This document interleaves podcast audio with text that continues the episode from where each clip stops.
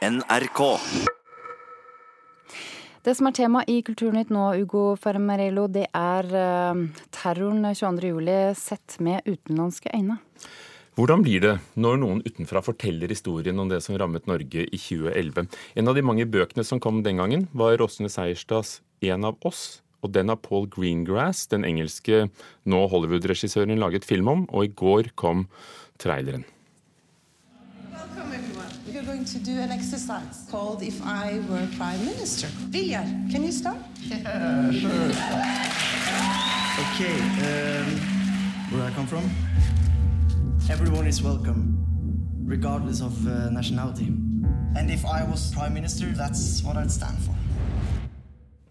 Den snaut to og et halvt minutt lange sniktiten inneholder flere sterke bilder fra dramatiseringen av terrorangrepene både i regjeringskvartalet i Oslo og på Utøya. Og det er den første filmen om 22.07.2011 som også viser terroristen, spilt av Anders eh, Danielsen Lie.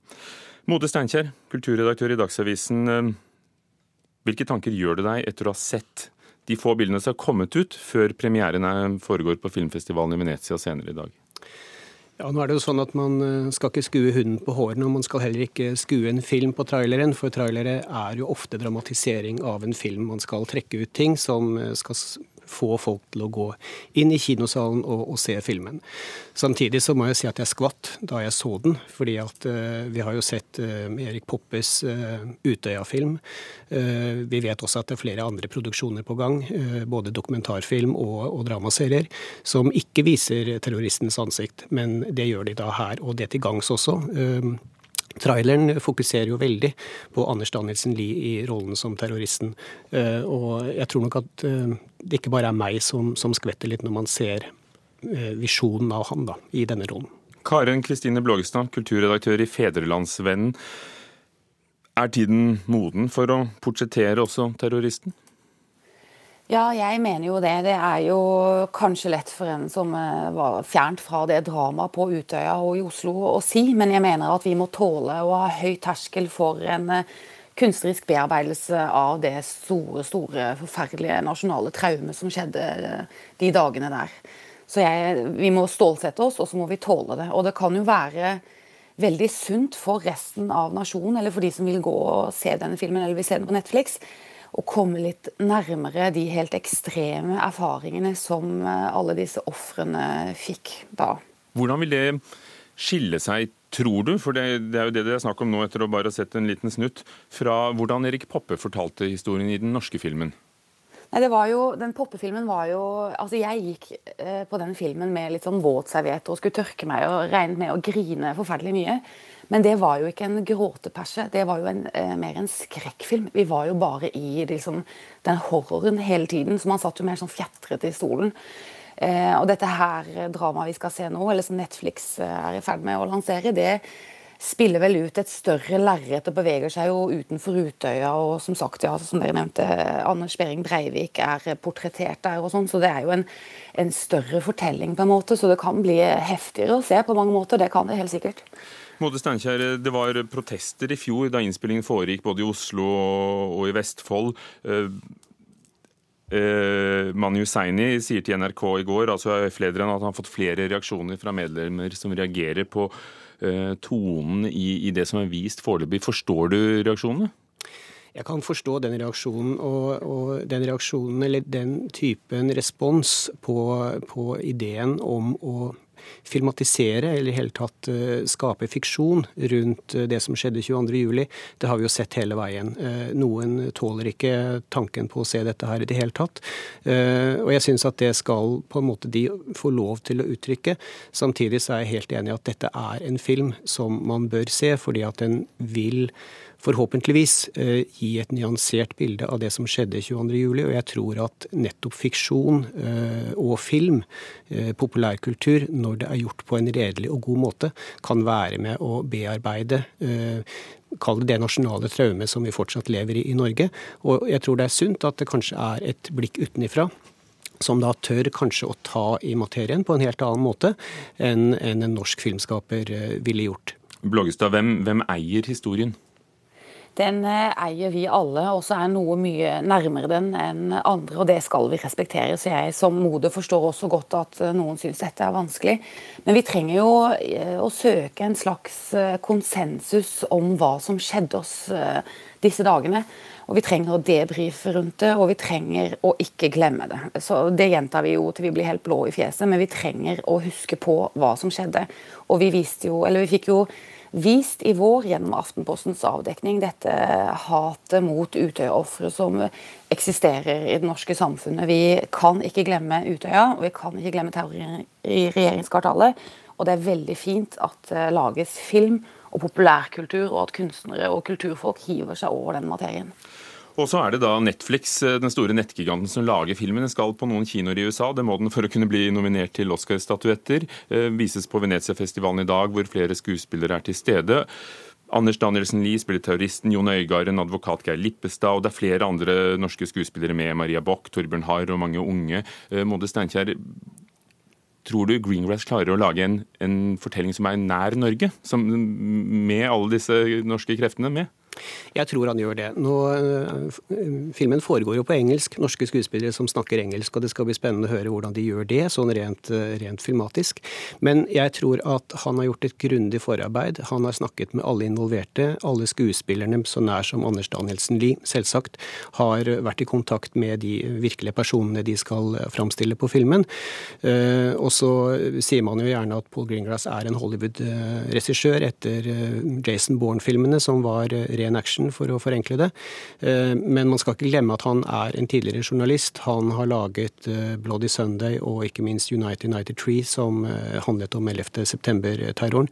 Og det gjorde han på en veldig overbevisende og grundig og respektfull måte. Og jeg tror at hvis han bruker sin journalistiske teft også i måten han går inn i dette på, og rekonstruerer det med kløkt, uten altfor mye dramatikk og mm, tilbakeblikk blikk og dramatiseringer som er unødvendig, så tror jeg at han er absolutt den rette regissøren til å da lage en sånn film. Karin Kristine Blågstad, tror du, tror du vi ser den på norske kinoer også? Ja, det, det, tør jeg ikke spå. Det er, det er, jo håpet. Jeg mener at eh, vi skal ikke være redd for eh, alt eh, det som vil komme nå av filmatisering om eh, Utøya. Det har jo kommet mange bøker, og, og, vi må bare holde den diskusjonen og den refleksjonen rundt det varm hele tiden. Så det er bare å håpe. Er det viktig at dette eh, at det blir så riktig som mulig, så historisk korrekt som mulig? Ja, jeg tenker jo at den bør være litt tro mot hovedhistorien, men at uh, en mann som Greengrass tar seg kunstneriske friheter og dramatiserer hendelsene, må han jo få lov til å gjøre. For det er jo umulig å gjenskape det helt presist. Men det blir jo sikkert en diskusjon. En ser jo denne har gitt ut uh, filmer eller bøker om uh, krigen, som, har kommet, som har kommet i et enormt antall så diskuteres det jo alltid hvor troen det er mot det som virkelig skjedde. Men de må ha kunstnerisk frihet. Takk skal dere ha. Karin Kristine Blågstad, kulturredaktør i Fedrelandsvennen, og Mode Steinkjer, kulturredaktør i Dagsavisen.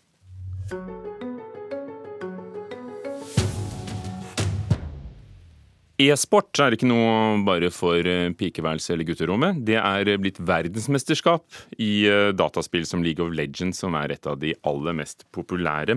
Men sponsormarkedet forstår seg ikke på e-sport, og Norge sakker akterut. Det mener en e-sportlærer vi har snakket med.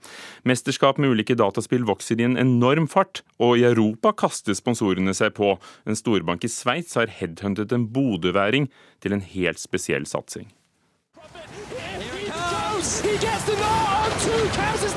Sportskommentatorer holder på å gå ut av sitt gode skinn når laget til bodøværingen Niklas Korsgaard slår verdens beste lag i dataspillet League of Legends. Dette er det mest populære spillet på nett med årlige verdensmesterskap. Det er en ordentlig jobb, det er en ordentlig sport. Det er seriøse eh, organisasjoner som er inne på feltet, det er seriøse sponsorer som er inne. Niklas Korsgaard han har dratt i land en stor sponsorkontrakt med en av de største bankene i Sveits. Han har fått i oppdrag å plukke ut seks spillere og trene dette laget gjennom hele 2019. Det er fulltidsarbeid. Du står opp eh, tidlig om morgenen og legger deg sent på kvelden, og du jobber 24-7. Hele laget får dekka kost og losji, og har et helt støtteapparat rundt seg med f.eks. egen kokk. Hvis vi skal sammenligne oss med de landene som er rundt oss, så er Sverige og Danmark så er jo Norge eksisterer jo ikke på det kartet. At bedrifter med store finansielle muskler går tungt inn i e-sport, er en trend over kontinentet nå, sier Kim Erik Aanes. Han er e-sportlærer og ekspert på feltet. Det de ser i Europa, de store aktørene, er jo at uh, de får veldig mye markedsføring tilbake i, forhold til investering. Da. For det er fremdeles relativt uh, billig å kjøpe seg inn i e-sport uh, i forhold til tradisjonell sport. Da. E-sport er sterkt voksende, og bare League of Legends har alene 365 millioner seere på de mest sette kampene. I Norge derimot er det nesten umulig for lag å få sponsormidler av betydning. Ja, jeg tenker nok at de har sovet litt i timen. Eh, men så er det òg vanskelig, for at eh, de store hovedmediene i Norge har jo heller ikke dekka e-sport noe særlig. Sjøl om vi har eh, både verdensmestere, europamestere osv. En av de få som smått støtter e-sport, er DNB. De støtter ett e-sportlag i Oslo.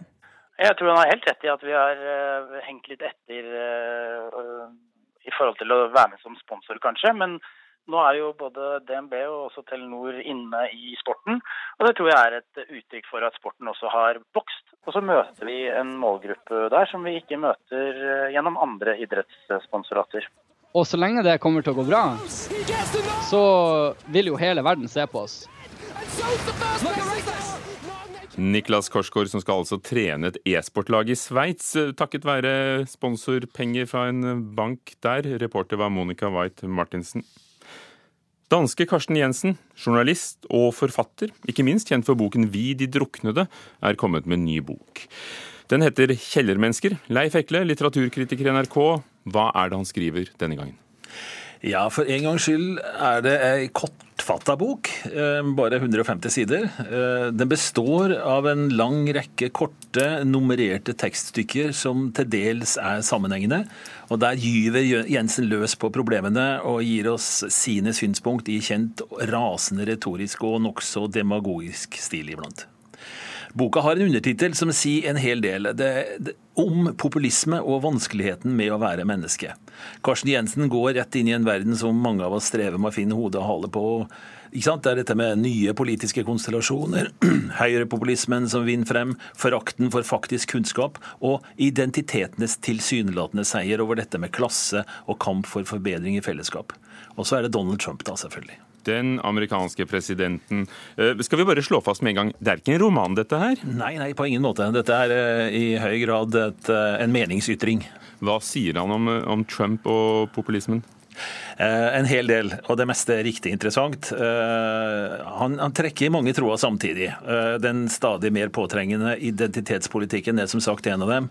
Og Jensen hevder bl.a. at valget av Donald Trump er den politiske katastrofen som inntreffer når man ikke lenger kan tenke i en politisk strategi som omfatter både svarte og hvite, hetero og homoseksuelle, men i stedet erstatte universelle verdier med særrettigheter. Han sier også at populismen, med sitt fokus på folket mot eliten, deler menneskeoppfatning med denne identitetspolitikken, med sin fremheving av kulturelle og etniske forskjeller som uoverstigelige. Vi kan altså ikke leve sammen med dem som er annerledes enn oss selv. Og så var det denne tittelen, da. 'Kjellermennesker'. Han, han har ikke funnet den på selv? Nei, den, eh, han har brukt den før. Eh, eller ordet 'kjellermenneske' før. Det er henta fra en roman av eh, Fjodor Dostojevskij. Den heter på norsk 'Opptegnelser fra et kjellerdyp'. På dansk heter den 'Kjellermenneske'. Og denne leser da Jensen nesten som en sånn profetisk fortelling om hvordan det, det foregår det vi står midt oppi nå. Og han ser til og med en, en, en antydning om at en, en Donald Trump vil komme. Karsten Jensen er jo kjent som en sterk eh, meningsbærer bl.a. i den danske storavisen Politikken, men da også for sine store romaner. 'Mursteiner' er romaner som 'Vi de druknede'. Hvordan fungerer eh, Jensen i dette formatet? 150 sider eh, rykende penn? Og korte tekstblokker. Eh, Karsten Jensen er en glimrende og iblant er han en helt fantastisk skribent. og Det er han her også. Eh, som en meningsmetta flom er denne teksten her. Eh, Kjellermennesker er i høy grad bryet verdt, vil jeg påstå. Spissformulerte poeng, poeng, står i kø, nesten som dominobrikker, og det er jo en liten trussel òg, ikke sant. Hvordan da? Og da er det der vi også bokas svakheter. Han spiller sin rolle som profesjonell, litterær sinnamann med bravur, eh, som alltid, men samtidig så gjør han det litt enkelt for seg. Teksten er full av påstander, ironi og sarkasmer, treffende.